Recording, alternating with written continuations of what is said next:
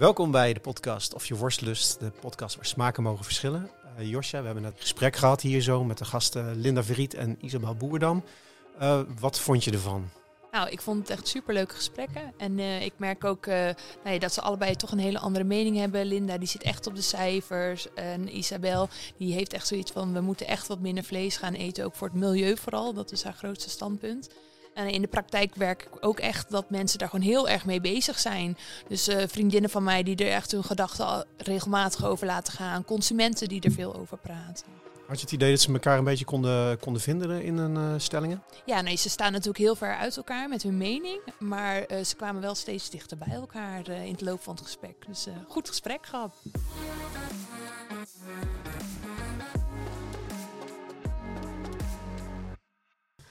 Oh, welkom bij uh, Of je worstlust, uh, eerste aflevering, uh, de podcast waar smaken mogen verschillen. Um, wij hebben vandaag twee gasten, eentje die erbij, um, eentje die is erbij vanuit Amsterdam via de liveverbinding. Dat is Isabel Boerdam, beter bekend als de hippe vegetariër.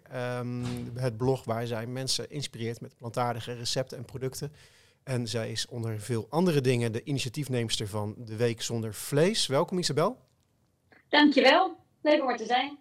En onze andere gast is Linda Verriet, die hier naast ons zit. De voorzitter van de producentenorganisatie Varkenshouderij. Die zet zich in voor een betere positie van de varkenshouders in Nederland. Welkom Linda. Ja, dankjewel. Leuk dat jullie er zijn. Uh, Josja, dat is dan uh, aan jou ook uh, de taak vandaag om er iets moois van te maken samen met mij. Um, Gaan we doen. Dat komt ja? helemaal goed. Heb je er een beetje zin in? Ja, zeker. Het is altijd leuk om een goed gesprek te voeren met elkaar. Goed zo.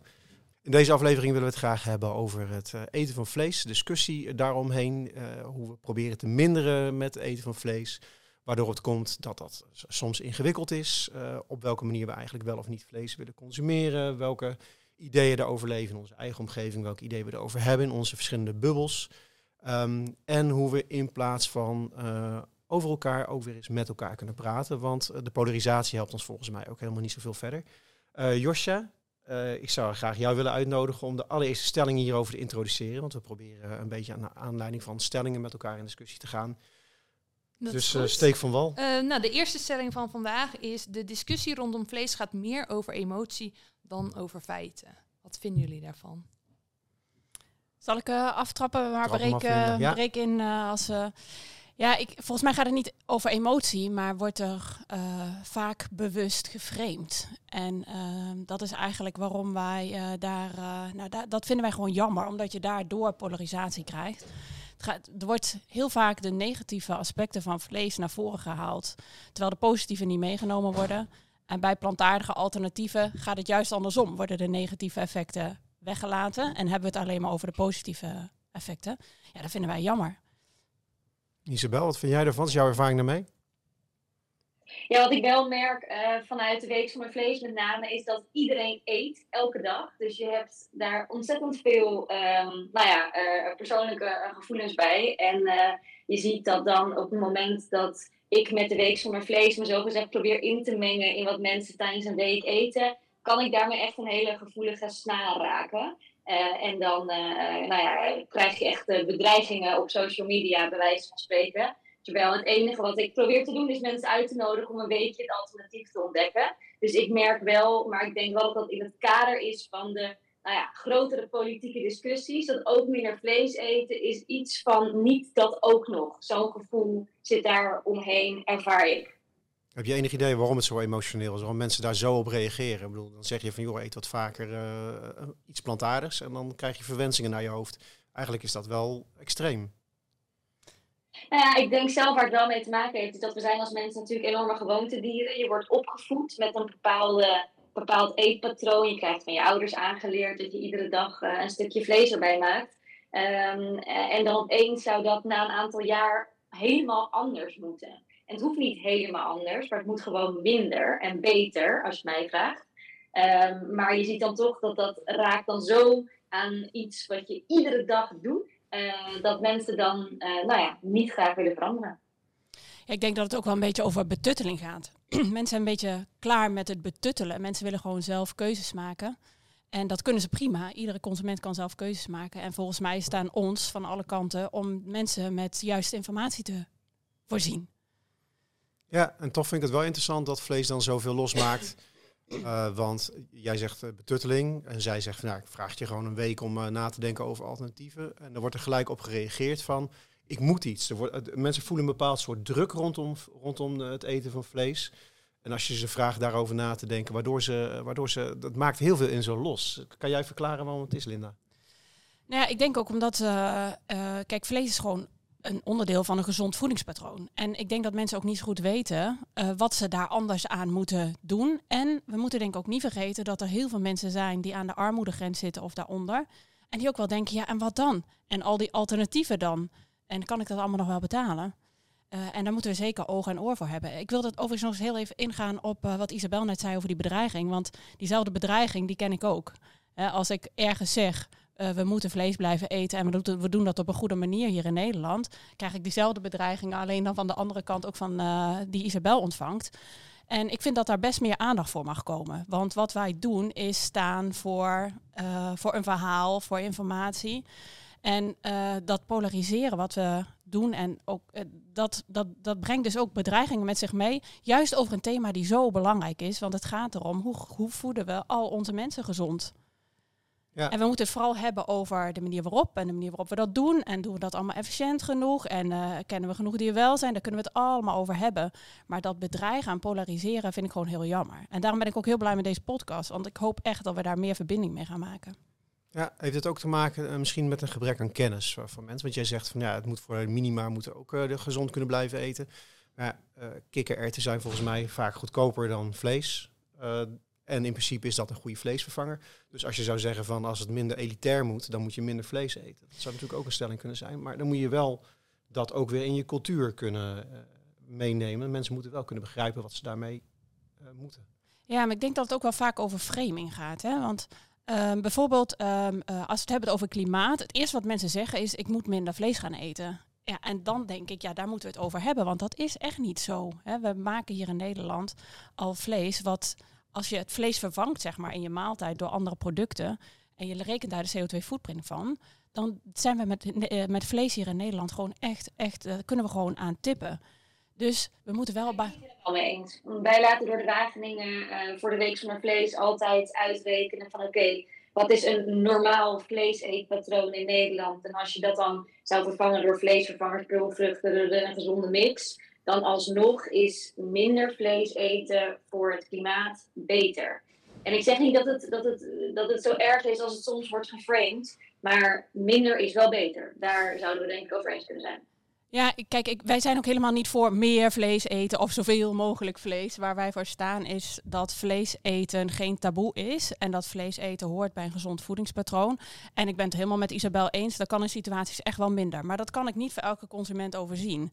En ik denk dat we vooral consumenten moeten voorzien in goede informatie over hoe eet je gezond en hoeveel vlees kan daarbij passen. Uh, en dan uh, kijk, nog even ook terug op de klimaatimpact, uh, Isabel. we hebben de afgelopen jaren denk ik daar ook wel wat modder heen en weer gegooid. En ook wel vaker met rekenmethodes of modellen gewerkt. Want als je maar wist wat, je de, wat voor een uitkomst je wilde hebben, dan ging je die berekening maar toepassen ook bij de Week van Zonder Vlees hè, is er de afgelopen jaren wel wat gebeurd. Daar waar we volgens mij in, 2018 begonnen met dat de Week Zonder Vlees zei... Uh, u bestaat iets van 12.000 uh, liter water als u een week geen vlees eet. Nou, er is toen veel kritiek op gekomen. Dat is inmiddels bijgesteld. Inmiddels zegt de Week Zonder Vlees... u, bestaat, bespaart 130 uh, liter water als u geen vlees eet die week. Idem dito is dat eigenlijk ook wel met de voedingswaarde. Daar, wat er vaak gebeurt is dat een kilo vlees vergeleken wordt met een kilo tomaten... Ja, dat is geen eerlijke vergelijking. Je zou moeten vergelijken op basis van voedingswaarde. En dan kom je op hele andere getallen uit. En daar is waar wij voor staan. Laten we vooral op basis van eerlijke vergelijkingen mensen informatie geven, zodat ze zelf keuze kunnen maken. Isabel, als jij die uh, modellen dan zo doorgerekend krijgt, want ik heb inderdaad ook gehoord van die een beetje kritiek op de week zonder vlees. Zei ja, je laat gewoon uh, ook een deel van de rekensom van de plantaardige vleesvervangers laat je weg. Dat hebben jullie wel opgelost, omdat jullie wel uh, open stonden voor die kritiek. Dus een mooie, mooie stap wat dat betreft. Om de week zonder vlees ook weer nog meer kracht te geven, denk ik, voor jullie. Um, maar als je die rekenmodellen zo uh, langs elkaar legt en wil, even reageert op Linda, wat vind je er dan van? Uh, nou ja, kijk, ik vind het het allerbelangrijkste dat er gewoon hele zuivere informatie verstrekt wordt. En kijk, ik kan er heel eerlijk over zijn. In 2018 heb ik het zelf uitgerekend door 10 miljoen bronnen op elkaar te plakken. Toen had ik niet de financiën om daar Wageningen voor in te schakelen. Um, dus wat dat betreft is dat nooit uh, onwil geweest. En is het ook gewoon een soort van proces van persoonlijke groei geweest. Dus ik ben heel blij dat we die cijfers goed kunnen presenteren. Tegelijkertijd hoor ik ook nog steeds vanuit andere hoeken van jullie presenteren het veel te conservatief. En dat is natuurlijk het ingewikkelde met klimaatcijfers. Het hangt extreem af van waar je bent, dat je het berekent. Bijvoorbeeld, we hebben in Nederland heel veel regenwater. Uh, dus uh, dat wil ik ook zeggen dat dat uh, onderdeel is van de hele nou ja, watervoorziening. En regenwater telt niet als vers water. Dus uh, als je dat gaat berekenen in Afrika, heb je natuurlijk een totaal ander uh, uitstootverhaal in die zin. En dat maakt gewoon dat cijfers, ja, moeten altijd geïnterpreteerd worden in de juiste context. Maar goed, ik ben heel blij dat we dat nu helder presenteren. En het verandert uiteindelijk niks aan de bottom line van het verhaal. Van uh, minder vlees eten dan we nu in Nederland doen, is beter voor het klimaat. Ik denk ook in gemiddeld gezien beter voor de gezondheid. En uh, je kan heel goed als vegetariër een 100% gezond voedingspatroon hebben met voldoende eiwitten, et cetera, en wat je allemaal nodig hebt. Dus uh, het kan en ik sta voor balans. Josja, jij bent uh, verkeerd in de unieke positie hier aan tafel dat jij dagelijks met mensen spreekt die eigenlijk met deze vragen zitten en die zelf dat vlees eten en die jij daarvoor van informatie moet voorzien. Wat zijn de vragen die bij jou leveren, leven in de nou, slagerij. Ik merk wel dat steeds meer mensen bijvoorbeeld ook echt op zoek gaan naar uh, iets minder vlees eten. Dus vooral zoekende klanten, want je hebt natuurlijk heel veel vaste klanten hebben wij in de slagerij. En dat zijn mensen die inderdaad gewoon structureel vlees eten. Uh, dat is ook gewoon de doelgroep die ik heel veel zie natuurlijk. Maar daarnaast heb je ook een groep mensen die inderdaad op zoek is naar een balans daarin. En niet zo goed weet wat ze nog willen en welke kansen op willen. Nou, sommigen die zijn een beetje wat meer vegetarisch aan het eten. Maar die zijn daarnaast, willen ze dan wel een goede kwaliteitsstukje vlees hebben. En dat zijn de mensen die heel veel bij ons komen. En die dan ook echt uh, met je in gesprek van gaan van wat kan ik dan het beste eten? Uh, wat zijn goede alternatieven? En soms beginnen ze ook zelf wel over van ja, ik probeer nu toch wel één, twee dagen in de week wat minder vlees te eten. Maar dan kom ik wel bij jou voor die andere paar dagen dat ik wel vlees eet. En ik denk dat het goed informeren van de consument, daar hebben we het nu ook steeds over, dat het wel echt heel belangrijk is. Maar inderdaad op alle vlakken. Dus op, op um, op milieu, nou, op de cijfers, maar ook op gewoon hoe je het productje bereidt, uh, wat je s'avonds eet. Dus ik denk dat het heel belangrijk is en dat wij daar als slagers ook een hele goede functie in hebben. En dat we ook tegen onze consumenten heel open daarover moeten zijn van als zij graag flexitariër willen worden, dat we daar ook in meedenken. Ik denk dat dat heel goed is om te doen. Ja, en ook dus al die informatie open beschikbaar en zorgen dat je in gesprek gaat met mensen over wat er allemaal mogelijk is. En ja, klopt. Ja. want soms zeggen mensen ook wel eens van, nou, ik heb uh, een collega die is vegetariër, die komt vanavond bij mij eten. En dan help je ze ook daarmee. Van, dan nou, kun je meedenken. Dat is uh, heel mooi naar de slager gaat voor je vegetarische advies. Ja, nee, maar ze komen natuurlijk ook voor dat stukje vlees voor zichzelf. Maar ze willen hun collega ook gelukkig maken die avond. En dan is het zo leuk om mee te mogen denken daarin. Ja, leuk. En jouw vak wordt dus eigenlijk ook steeds breder daarmee. Ja, ja. Meer vragen komen hoe leuk het voor jou wordt. Ja, nou, wij hebben vanuit ons bedrijf doen we ook heel veel bevetten. En als je grote groepen hebt, heb je standaard vegetariërs erbij. Dus daar ga je gewoon automatisch ga je daar nu ook in. Nee, dat, merk, dat merken we allemaal thuis wel, dat we steeds meer vegetariërs en veganisten om ons heen krijgen. En daar ben je dus automatisch ook mee bezig. Je bent steeds vaker um, vegetarische maaltijden aankoken. Maar dat is wel heel leuk, want dat combineren is perfect. Ja, nou, mooi om te horen. Um, de volgende stelling zal ik even introduceren. Daar raakt we al een klein beetje aan uh, zojuist. En uh, die stelling is: prijsstunten met vlees zou verboden moeten worden. Uh, de supermarkten zijn, gebruiken er natuurlijk vaak vlees om mensen naar binnen te halen. Het is een bewezen product van als je de carbonades in het barbecue seizoen in de aanbieding gooit, dan komen de mensen wel binnen en dan hopen ze dat ze ook nog wasmiddel meenemen en een fles cola. En dan uh, verdienen ze daar weer op terug. Maar eigenlijk leggen ze dan uh, de prijs voor die acties leggen ze neer bij de vleessector, bij de dieren en uh, bij de milieu-impacten die daarmee gepaard kan gaan. Wat vinden jullie daarvan? Linda, begin ik eens even met jou. Ja, wij zijn ook tegen prijsstunten met vlees. Dat is volgens mij voor niemand goed. Um, waar wij wel voor staan is dat wij wel willen dat er voor iedereen een gezond en betaalbaar stuk vlees is. En omdat dat gewoon een onderdeel is van een gezond voedingspatroon. Ehm, en wij, ik denk wel dat daar vaak weinig aandacht voor is, te weinig aandacht is. En dat is voor mensen met kleine beurzen. Daar voelen wij ons ook verantwoordelijk voor. En daar zullen we met elkaar wel een balans in moeten vinden. Uh, maar prijsstunten met vlees uh, zijn wij uh, net zo goed op tegen. Want het is gewoon niet goed. Er moet gewoon een eerlijke prijs voor vlees betaald worden. En een goed verdienmodel voor boeren is ook belangrijk. En daar hoort prijsstunten met vlees helemaal niet bij. Zou het verboden moeten worden?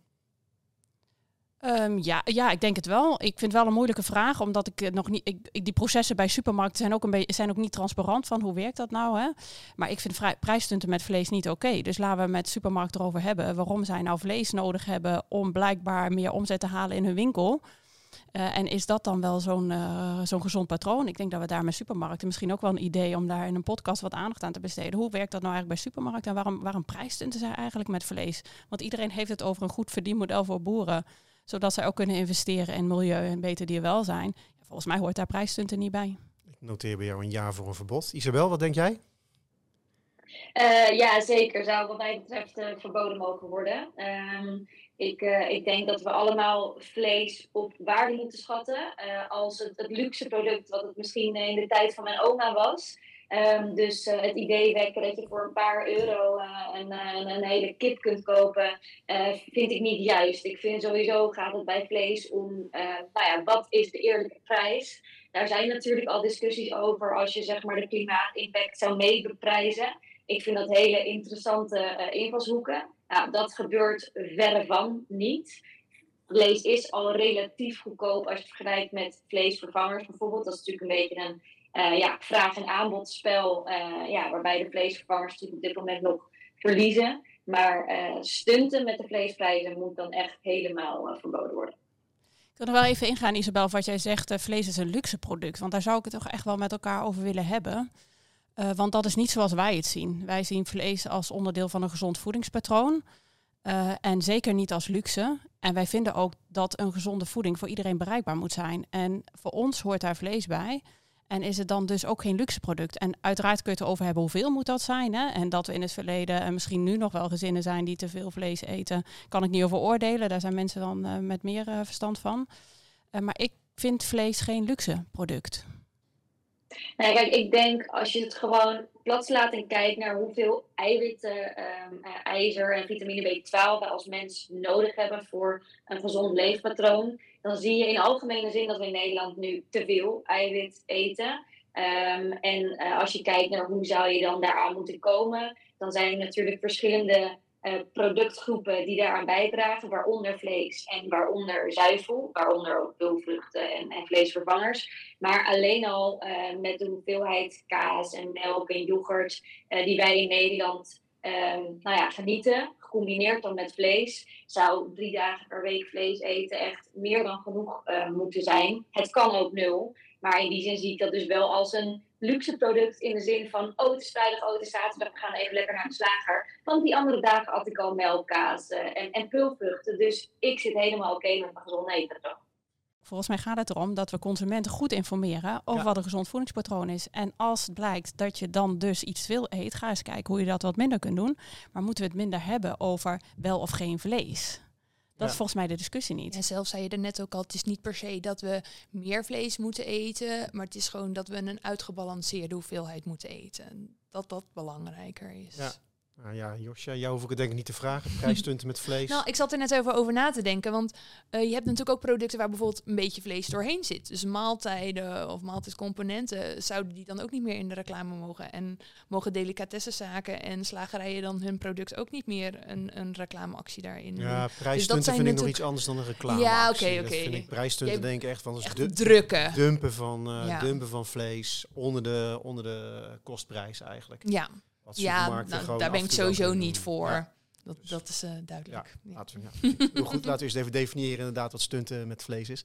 Uh, Isabel, jij wou nog iets zeggen ik onderbrak jou. Ja, alleen wat ik lastig vind uh, in het verhaal um, is, is, ik hoor jou de hele tijd zeggen van oké, okay, weet je, vlees hoort bij een gezond eetpatroon. En um, nou, dat kan er ook prima bij horen. Alleen, we zitten wel met een gigantische klimaatuitdaging. En daarvan is 30% van de CO2-uitstoot wereldwijd komt van onze voedingsindustrie. En 85% daarvan komt van dierlijke producten. We gebruiken op dit moment wereldwijd 80% van de ruimte voor landbouw, voor het verbouwen van veevoer, om dat te voeren aan onze varkens en koeien, om ze te slachten, om zo'n stukje vlees over te houden. Dat klopt niet. Dus we kunnen niet volhouden dat het goed zou zijn als mensen elke dag vlees eten. Het moet minder en ik mis wel echt die urgentie. Ja, ik vind klimaat ook net zo goed belangrijk. Hè? Laat dat even duidelijk zijn. Uh, maar het is niet voor niks dat wij hier in de Westerse West-Europa meer veehouderij hebben dan bijvoorbeeld in Afrika. Uh, dat is omdat wij hier vee kunnen houden en in Afrika is dat moeilijker. En ik vind ook, zonder dat ik vind dat wij de wereld moeten voeden, hè, vind ik wel dat we een verantwoordelijkheid hebben, ook vanuit West-Europa, om iedereen in Nederland of iedereen in de wereld wel van voedsel te voorzien. En we hebben ook vooral een logistiek vraagstuk volgens mij met elkaar. Dus waar produceren we het meest efficiënt uh, de voedingsbestanddelen die nodig zijn voor de wereld? En hoe zorgen we dat die zo, uh, zo goed mogelijk op de juiste plekken terechtkomen? Uh, en dat is volgens mij het vraagstuk waar wij in zitten. Want wereldwijd, ja, de bevolking neemt alleen maar toe. De vraag naar dierlijke eiwitten neemt alleen maar toe. Laten we dat dan alsjeblieft op de plek doen waar we dat het best kunnen en het meest efficiënt. Want ja, goed, we kunnen het hier in Nederland uh, niet meer gaan doen. Maar ik weet wel dat we elk varken wat we hier in Nederland houden, als we dat hier niet meer gaan doen, dan komen er drie uh, elders terug. Omdat de vraag naar dierlijk eiwit gewoon blijft. Ja, dat, daar is het klimaat zeker niet bij gediend. Dus die discussie moeten we echt breder vo voeren. Um, de derde stelling die we hebben is dat um, vlees eten is wereldwijd onderdeel van heel veel culturen, culturele riten.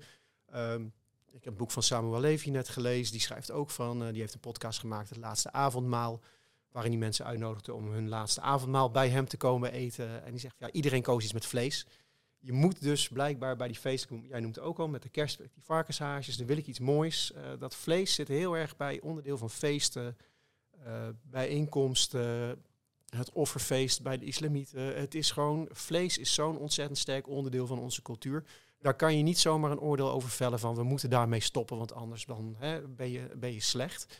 Het, omdat het uh, te veel verweven is met wie we zijn als mensen en uh, de culturen waar we onderdeel van uitmaken. Josja, zou jij daar eens wat over willen zeggen? Want kerst komt eraan. Ja, nou ja, dan deze podcast kopen we heel veel rol, uh, rollades waarschijnlijk. Maar um, we hadden het straks over emotie, over mijn emotie eten. En ik denk dat dat hier ook heel erg zit. Want mensen, omdat het inderdaad heel erg in hun uh, geschiedenis verbonden zit. Ze doen de gakbal, doet hun aan hun opa en oma denken. En als ze die niet meer mogen eten, dan is dat gevoel is dan weg. En ik denk dat mensen daar heel erg daarom heel erg boos ook op jullie beiden kunnen worden. Van ik mag geen vlees meer eten. Of ik moet stoppen met, uh, of ik moet vlees eten. En ik denk dat dat het heel erg het gevoel is dat mensen heel erg emotioneel erbij verbonden zijn. En ook inderdaad in de cultuur.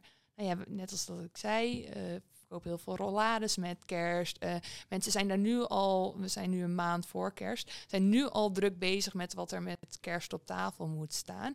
En zijn altijd eigenlijk met... Uh, met zulke feestdagen is dat toch iets heel speciaals. Ja, ze verheugen zich echt op zo'n product dat ja, met emoties klopt. omgeven is. En het gaat wel heel erg vaak om vlees. Zou ja. jij kunnen verklaren waarom het zo vaak vlees is? Heb, heb, jij daar enig idee over? Nee, dat weet ik eigenlijk niet. Ik denk dat dat gewoon komt omdat het vanuit kindsher dat je dat al zag en dat dat erbij hoort en dat het een gevoelskwestie is. Mensen vinden het ook altijd heel naar als bijvoorbeeld uh, een ritueel verandert. Dus zou jij met kerst opeens een kalkoen op tafel of, of een uh, pompoen op tafel zetten, dan kan dat eigenlijk niet. Mensen willen gewoon weer diezelfde rollade hebben als dat jaar daarvoor en dat jaar daarvoor en dat jaar daarvoor. Dus het is denk ik echt een gevoelskwestie uh, met zulke feesten. Ik denk, ja. Uh, ja. ik denk dat ook wel. En, maar we moeten ook niet vergeten dat we carnivoren zijn. Hè? Het is niet ja. nieuw dat we vlees eten. We hebben altijd al vlees gegeten. En juist die... Ah, we zijn omnivoren. Ja, we zijn omnivoren, sorry. Ja, sorry, je hebt helemaal gelijk. We zijn Isabel ons voor ja, helemaal gelijk. We zijn omnivoren en dat zijn we niet voor niks geworden. We hebben ook heel veel van onze ontwikkeling uh, gewoon ook te danken aan dat we op een gegeven moment zijn gaan jagen en vlees zijn gaan eten. Um, uh, dus dat hoort er ook gewoon bij. En ik denk ook wel, wij hebben onderzoek gedaan en 95% van de Nederlandse eet vlees. één of meerdere dagen of alle dagen. Uh, maar dat doen ze vooral omdat het ook gezond en lekker is, geven ze ons terug. Mensen vinden vlees ook gewoon lekker. Ja, tegelijkertijd zeg jij, Isabel, van ja, we hebben wel met z'n allen maatschappelijk problemen. We moeten daar als maatschappij misschien ook wel iets meer verantwoordelijkheid in nemen. Als ik het even mag samenvatten. Hoe, hoe, zie jij het dan? Want dan, dan, hè, dan krijg jij dus inderdaad die bedreigingen van, van jij wil iemand zijn biefstukje met kerst afpakken en dan, dan worden ze woest. blijf, blijf van mijn bord af, is dan een beetje het, de emotie. Um, hoe zie jij het? Want het is dus inderdaad wel voor heel veel mensen een heel sterk onderdeel van wie ze zijn, wat ze delen, hoe ze met de familie om willen gaan, uh, hoe ze nou ja, eigenlijk in het, in het leven willen staan uh, met een bepaalde uh, gulheid en genegenheid en een bepaald niveau van luxe delen en geven. is dat dan iets wat jij nog wel herkent?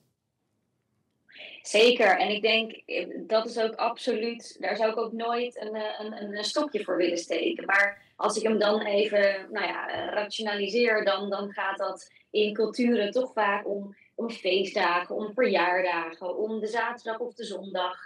Tuurlijk, eet lekker vlees. Eet wat je met elkaar uh, gewend bent om te eten en, en, en deel die maaltijd. Maar ik zelf voel wel een hele grote urgentie dat we echt hier vandaag geen idee hebben hoe de wereld er over twintig jaar uitziet. En als we dan terugblikken op dit gesprek, dat we denken, verdomme, hadden we maar wat meer urgentie gezien. Er zijn ook wel plekken nu waar bijvoorbeeld uh, vlees wordt geskipt uit kantines. En uh, je ziet dat steeds vaker dat het in het nieuws komt en dat mensen daar inderdaad ook wel echt gefrustreerd van worden van oké, maar nu wordt het ons ontnomen. Nu is het moment dat het eigenlijk een stapje te ver gaat. Er zijn ook een heel grote groep mensen die daar natuurlijk heel blij van wordt. Maar er is ook een groep mensen die denkt, ja maar shit, nu mag ik geen broodje rosbief meer eten tijdens mijn lunch. Ja, maar ja, de, vegetariërs denken natuurlijk van ja, hallo, we hebben de afgelopen 30 jaar ja. uh, kon iedereen uh, kiezen uit ham, salami, rosbief, pastrami. En ik kreeg een salade geitenkaas uh, zeven dagen Van broodje kaas. Ja, dus die hebben zoiets van ja, net goed. Dat weten jullie ook eens hoe het voelt. Ja, maar ik denk dat het juist mooi is als we daar samen een balans in brengen, zodat we iedereen daarin kunnen bedienen.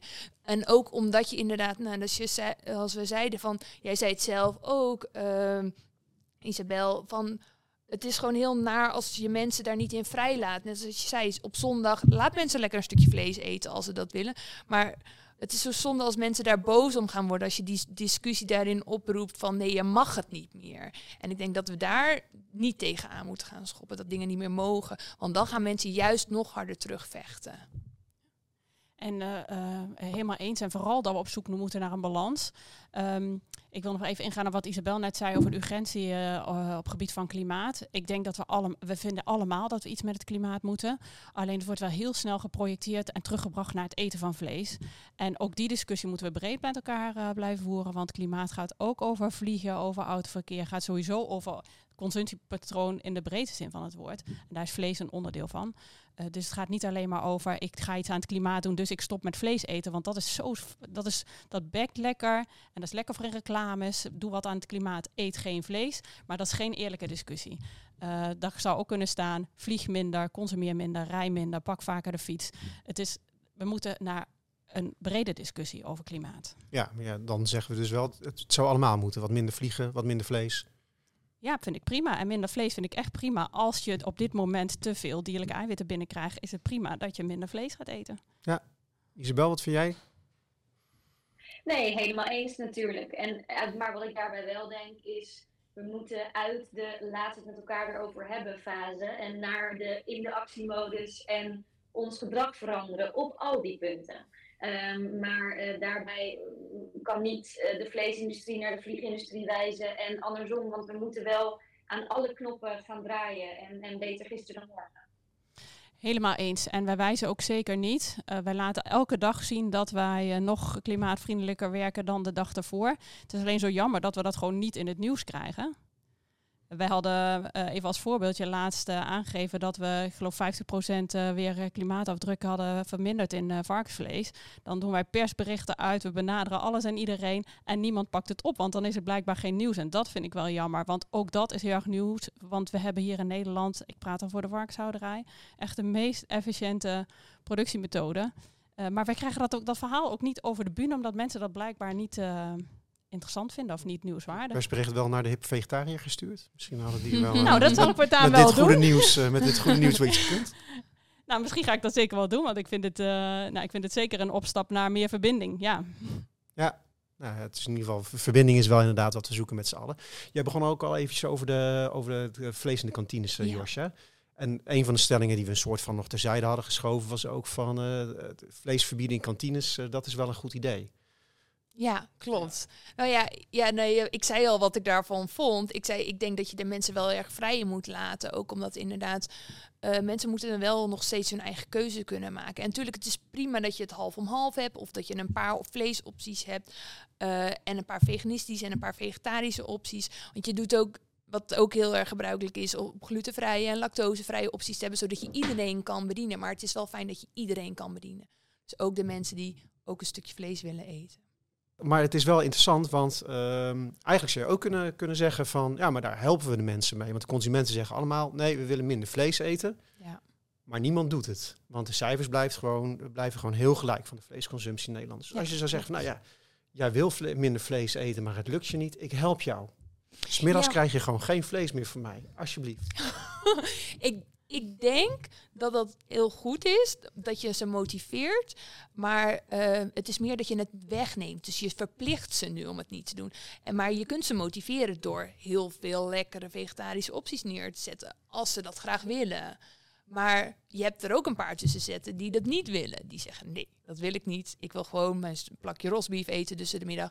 En die geef je wel juist nog steeds die vrijheid om dat ook te doen. Terwijl je waarschijnlijk bijvoorbeeld uh, een hele hoop ook hebt... die wel zeggen, oh, lekker, uh, vegetarische kip curry salade. En die kiezen daar bijvoorbeeld voor. Ja, maar op woensdag krokettendag, want anders dan branden ze de boel plat. Ja, uh, dat, die halen we er niet uit. Dat blijft. Nee, dat, dat gaat niet lukken. Maar ik sprak op een gegeven moment ook iemand van Drees Peter van de Bos van Hutte Catering toen de tijd nog. En die zei van ja, ik ga gewoon mijn kroketten vegetarisch maken. Als het een beetje uit kan qua prijs. En dan ga ik gewoon niet zeggen. Wat vind je daarvan? Ja, als je maar dan niet erbij zegt dat het een rundvleeskroket is. Zegt gewoon, dan het is, een kroket. Principe, ja, nou, dan zie ik er in principe niets verkeerds in. Nee. Dus dat zou wel mogen wat jou betreft. Ja, je ligt niet. En het is, als die kroket even lekker is, is dat prima. Ik, ik zie daar niet echt een probleem in. Vraagt iemand natuurlijk wat erin zit, dan moet je daar eerlijk over zijn. Ik denk niet dat iemand ooit wil weten wat er in een kroket zit. kroket is, is er helemaal niet zoveel raars in hoor. Lekker nee, mooi, mooie ragout. Ja, nee, ik... vind dit wel een mooie discussie, want het gaat er vooral om, hou mensen vooral niet voor de gek. Ja, ja maar het is een beetje inderdaad Verleiden is, uh, is een mooi instrument, maar het is ontzettend moeilijk om te stoppen met dat vlees eten. Wat, wat is jouw ervaring daarmee, Isabel? Want jij hebt natuurlijk heel veel ervaring met mensen die zeggen dat ze graag minder vlees willen eten, maar moeite hebben om zover te komen. Hoe, hoe kunnen we dat toch met z'n allen zover krijgen dat ze dan een andere keuze maken? Want de, consument kiest dus eigenlijk tegen wat hij zelf zou willen. Ja, ja dat zie je natuurlijk wel uh, vaker.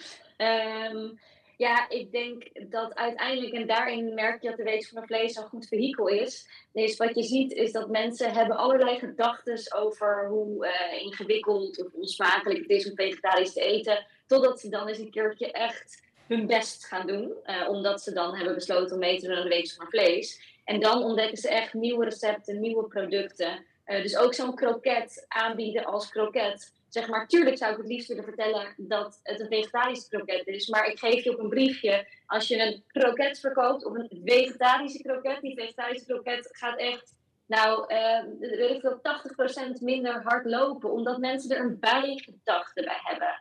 En dat is dus wat ik probeer te doorbreken met de week zonder vlees. Om, dus om te laten zien, hey, het is wel lekker. Uh, ik heb eigenlijk heerlijk gegeten, ik heb het vlees niet gemist. Um, en als ik dus ook vragen krijg van bijvoorbeeld vrouwen die zeggen, maar mijn man wil niet of mijn kinderen willen niet, dan zeg ik, nou maak dan een lekkere pasta bolo met vega gehakt.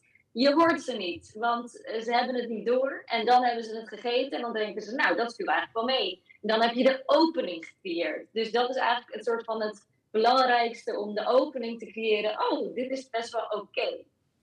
Ja, en ja, Linda, jij zegt eigenlijk ook, minder vlees, daar ben ik helemaal niet tegen. Hoe krijg jij het dan voor elkaar dat het iets minder wordt, maar iets beter? Dat ze kiezen voor een, een, een beter geproduceerd stuk vlees dan voor ik vind dat informatievoorziening heel erg belangrijk is, hè, dat zei ik al. Dus ik vind vooral dat we met elkaar de juiste informatie op tafel moeten leggen en dat mensen daar eigen keuzes in maken. En waar wij voor staan is dat onze maatschappij heel veel vraagt, maar het uiteindelijk niet wil betalen. En uh, daar lopen we toch ook een beetje tegenaan. En ook wel in discussies met supermarkten. Ja, wat we gewoon zien is dat er uh, dat snel naar het goedkope stukje vlees uh, gepakt wordt. En ehm, dat het ook nog eens vaak ja, wat ons daarbij het meest stoort nog is, is dat er ook verkocht mag worden hier in Nederland, wat wij zelf hier niet mogen produceren. Oftewel, er wordt vaak gezegd, wij exporteren zoveel. Nou, die export gaat naar Noordwest-Europa, dus de vraag is of dat dat export is. Maar volgens mij is een veel groter probleem alles wat we importeren. Er wordt ook heel veel vlees geïmporteerd van, uh, vanuit uh, boerderijen die tegen veel lagere productiestandaarden produceren als wij hier in Nederland doen doen. En dat wordt dan heel goedkoop in supermarkten weggelegd. Ja, en drie keer raden wat, de, raden wat de consument kiest. Die kiest het goedkoopste stukje. Vaak niet wetende dat dat helemaal niet in Nederland geproduceerd is. En die kijkt gewoon naar hun portemonnee, wat kan ik betalen? Ik vind dat we daar ook wat aan moeten gaan doen. Dat we hier in Nederland in ieder geval niet meer consumeren wat we hier niet mogen produceren. Daar zouden we echt al een hele, hele grote stap mee maken. Heb je daar wel cijfers bij? Want ik, je hoort altijd het verhaal van uh, ja, Nederland, we produceren hier uh, 100%, we exporteren 70% we blijven met 100% van de stront zitten en daarom hebben we hier een stikstofprobleem. Even heel plat gezegd, dat wordt, zo wordt het een beetje neergezet. Heb jij enig idee hoeveel we dan importeren nog weer? Ja, uit CBS-cijfers uh, blijkt dat we net zoveel importeren dan we exporteren als het gaat over vlees. En ik wil nog wel even zeggen, ja, wij exporteren 70% uh, vlees. En dat is vooral de Noordwest-Europese markt. Hè. Dus dat is Duitsland, Frankrijk, uh, België. Eh, vooral Duitsland is een hele grote exportmarkt voor ons. Dus ik, ik wil wel een discussie, ja, in discussie, is dat nou export? Hè? Moet je dat zo noemen? Want we leven, zitten gewoon in een concurrerende Europese markt. Er komt heel veel vlees binnen vanuit Amerika, andere landen waar gewoon echt tegen lage standaarden geproduceerd wordt. En dat is volgens CBS-cijfers net zoveel als dat we exporteren. En wat de discussie die hier ook bij hoort is, uh, als ik kijk naar het varken, dan is voor ons vierkantsverwaarding heel erg belangrijk. En hier in Nederland zijn we gewoon niet gewend dus om... moet je even uitleggen wat vierkantsverwaarding is. Ja, ga ik uitleggen. Wat, vierkantsverwaarding is dat wij dat varken zo optimaal mogelijk willen verwaarden. Uh, dat betekent voor ons dat wij de poten en de oren en de minder courante delen naar Aziatische landen exporteren. Dat is een heel klein onderdeel van de export, want dat is echt niet veel ten opzichte van het hele varken. Maar wij verwaarden het daar dusdanig, die oren brengen daar gewoon geld op, zodat we daar wat kunnen doen met de prijs hier in Nederland, om het voor de consumenten aantrekkelijker te maken. Ik vind het prima als we daar met elkaar over hebben, maar laten we dan ook zorgen dat we hier in Nederland ook weer oren en staarten en uh, al dat soort producten gaan eten en dat we leren waarderen. Um, maar dat is nu ook gewoon niet. Hè? We zijn Op gewoon wat voor manier zetten jullie daarvoor in? Want jullie hebben die kennis en die kunnen om dat te nou, verwerken. Ja, wij proberen wel aandacht te vragen, ook voor voedselverspilling. En daar hoort ook bij dat je het dier optimaal waardeert. En dat betekent voor ons nu dat de oren en staarten naar Azië gaan. Maar ik vind het ook echt prima als we hier in Nederland weer gefrituurde oren of zo gaan eten. Ja, er is nog niet heel veel aandacht voor. Nee. Nee, maar het is wel heel belangrijk om te zorgen dat, het, dat de prijs van vlees hier in de Nederlandse supermarkten op een, op een normaal niveau blijft. Als wij die oren moeten verspillen en naar iets anders wat minder opbrengt, dan betekent dat dat vlees hier in Nederland duurder moet worden. Ja, wat vind jij ervan, Josja? Zou jij uh, je klanten varkensoren gaan verkopen? Nou, ik heb wel een paar klanten die dat kopen. Ja? Dus ja, ja. met de kerst aan de varkensoren? Uh, nou, dat zijn over het algemeen uh, wat meer Aziatische dames. Die komen dan langs en die komen dan inderdaad een paar kilo oor halen ik heb het nog nooit geproefd. Het eindresultaat wel heel benieuwd ernaar. Maar uh, ja, wat ik weet inderdaad is dat ze ze frituren. Maar de gemiddelde Nederlandse consument die zal het aan hun hond geven. Ja.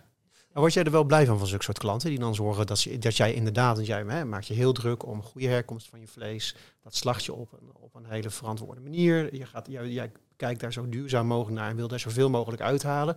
Word je dan blij van die klanten waarvan je zegt van ja, maar die, die willen gewoon alles. Die willen het hele dier, die willen de snuit die willen de oortjes, die willen gewoon. Is dat voor jou een, een extra fijne klant? Um, ja, nee, je hebt ze niet heel veel. Dus het is niet iets waar je heel erg mee bezig bent. Ze komen zo nu en dan een keer langs. Je, het mooie daaraan is dat je het natuurlijk op kan sparen. En dat je dus uh, dat product, je weet dat je het uiteindelijk uh, weer, weer kwijtraakt. Dus het is heel fijn dat je op die manier weinig verspilling hebt. Um, maar het voordeel inderdaad, dat is dus het grote voordeel eraan. Dat je weet dat je ze hebt en dat ze zo nu en dan uh, een paar kilo komen halen. Maar anders inderdaad zou je er niks mee kunnen. En dan is het verspilling. Dan, dan raak je het kwijt. Weet je, het zwoerd kunnen wij weer gebruiken in de leverworsten. Eigenlijk alle, alles gebruiken wij weer, behalve de botten, nou, de ingewanden en, en dus de oren en de snuit. Maar voor de rest kunnen wij in principe alles helemaal verwerken. De kop, koppen kunnen we helemaal uitkoken de leverworsten, de, de zwoert, de huid dus, die verwerken we daar weer in. Ja, bij jullie wordt vrijwel het hele dier wordt gewoon met respect behandeld, verwerkt. En ook echt het laatste stukje vlees wat op het bordje zit, dat schrapen wij eraf. Want het is gewoon, weet je, zo'n beestje heeft er heel hard voor gewerkt, omdat opzicht te krijgen. Die heeft er heel veel voor moeten eten. En als wij daar heel onzorgvuldig mee om zouden gaan, ja, dan zijn we ons vak niet waard, naar mijn idee.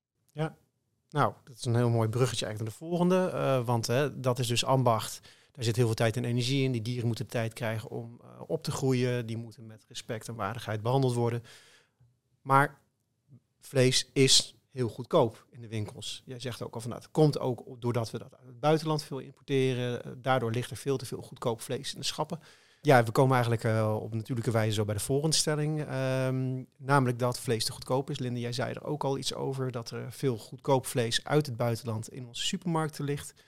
Ehm, en ja, als we het vlees gewoon iets duurder maken, en ik denk dat we met een paar procenten er al zijn, dat er eigenlijk heel veel problemen opgelost zouden kunnen worden met de varkenshouderij, met de slacht, met de, nou ja, alle uh, problemen die de boeren hebben, een mooie prijs voor de varkenshouders. En dat we door de hele keten al heel snel heel veel meer kracht uh, kunnen geven aan de producenten, meer waardigheid aan de dieren en meer ruimte aan het milieu. Wat denk jij daarvan, Linda? Nou, ik wil eigenlijk eerst even ingaan op uh, alle problemen wat gesuggereerd wordt. Um, het overgrote deel van onze Nederlandse boeren en de Nederlandse keten werkt gewoon volgens wet en regelgeving en volgens kwaliteitsstandaarden die we met elkaar afgesproken hebben uh, in, in ketenkwaliteitssystemen. Uh, helaas, dat wat we op het nieuws zien, uh, zijn excessen en incidenten. En daar zijn we helemaal niet trots op. Hè? Dus dat willen we ook echt niet. En dat willen we voorkomen. Maar ik wil niet de suggestie wekken hier dat we vol problemen zitten. Want nou, overgrote niet, niet deel van. problemen, maar het is natuurlijk wel zo, zo af, precies wat je zegt. Zo af en toe komt in het nieuws. Dan is er weer een stalbrand. En dan komen er gewoon weer een paar duizend varkens om. En dat is voor jullie natuurlijk. Nee, daar lig, jij, daar lig jij ook wakker van. Ja, tuurlijk. Weet je, ik ben de hele dag op de bres voor een betere plek voor boeren in Nederland. Dat is natuurlijk ook verschrikkelijk. Ach, het is voor iedereen verschrikkelijk. Dat willen we ook gewoon echt niet. En, en de incidenten die we zien, willen we ook gewoon echt niet. Uh, maar het overgrote deel van de boeren werkt gewoon volgens de kwaliteitsstandaarden die we met elkaar afgesproken hebben. En dat zijn hoogstandaarden internationaal. Um, ik vind, ik vind dat als wij met, als maatschappij vinden dat daar een schepje bovenop moet, bijvoorbeeld op gebied van dierwelzijn, dan ga je daar met elkaar over hebben hoe we dat betaald krijgen. En dan hebben we helaas wel een, een marktwerking. En ook de prijs van vlees wordt vaak wel door de markt betaald. Een Europese markt ook nog eens, niet eens de Nederlandse markt. En dan komen we in een heel grillig gebied. Want uh, die markt bepaalt heel vaak dat wij niet de kosten betaald krijgen die we daarvoor extra zouden willen maken. En daarom hebben we daar met elkaar nu ook deze discussies over. Want de rek is er wel uit. De boer kan nu niet investeren in iets boven wet en regelgeving, omdat hij niet zeker weet of dat hij het uit de markt terugbetaald krijgt. En marktwerking is iets heel ingewikkelds en daar gaan we vaak aan voorbij. Maar het is niet zo dat wij daar een prijs doorheen kunnen drukken. De consument bepaalt wat hij op dat moment koopt. En zolang er goedkopere alternatieven zijn, zal hij daar altijd voor blijven kiezen. En dat maakt het ingewikkeld. En Isabel, jij refereerde ook al aan van uh, die, die uh, vlees is vaak goedkoper dan de vleesvervangers. Zou het jou denk je helpen als er een omslagpunt komt, dat vlees iets duurder wordt dan de vleesvervangers? Nou ja, dat is natuurlijk iets wat ik zou stimuleren. Um, maar ook omdat ik vind dat het ook wel. Uh, nou ja, dat mensen mogen ook wel hun keuze om vlees te eten voelen in hun portemonnee, vind ik. Um, uh, want het hoeft niet elke dag. Dus als mensen nu vijf keer een week vlees eten en dat straks twee keer gaan doen, dan zijn ze goedkoper uit of kunnen ze wat beter vlees uh, kiezen. en dat lijkt mij voor iedereen hartstikke gezond. Ja, nou gezond is dan nog weer een volgende, want die vleesvervangers die zijn ook niet altijd even gezond. Dat is dan weer, dat is dan weer een, een, een, een mening van de vleesindustrie. Van er zijn oh, vaak nee, ultra bewerkte producten. Dat, dat, zou ik ook meteen beamen. Zeg maar. Het is niet zo dat uh, de boodschap is uh, voor elk gram vlees dat je minder eet, eet een vleesvervanger in de plaats. Maar in de hele journey van gedragsverandering is een vleesvervanger een keuze. Maar hoop ik ook dat mensen groenten gaan roosteren in de oven. dat ze peulvruchten gaan ontdekken, uh, kidneybonen, uh, nou ja, wat, uh, hoe je wel lekker met dingen als tofu kunt eten. Er zijn echt legio opties. Ja, eet minder maar beter vlees en kijk voor inspiratie voor de rest van de dagen bij de hippe vegetariër. Kijk, precies. Linda, dankjewel. Uh, mooi gesprek. Isabel, ja, ook bedankt uh, voor het gesprek. Josja. Ja, ik vond het heel interessant. ja, nou ja, ik hoop iedereen. Ik hoop de luisteraars straks ook een beetje. wij gaan afronden. heel veel succes met al jullie projecten en een hele mooie toekomst voor jullie allemaal. En nou ja, blijf in gesprek. Dankjewel. Leuk. Veel dank.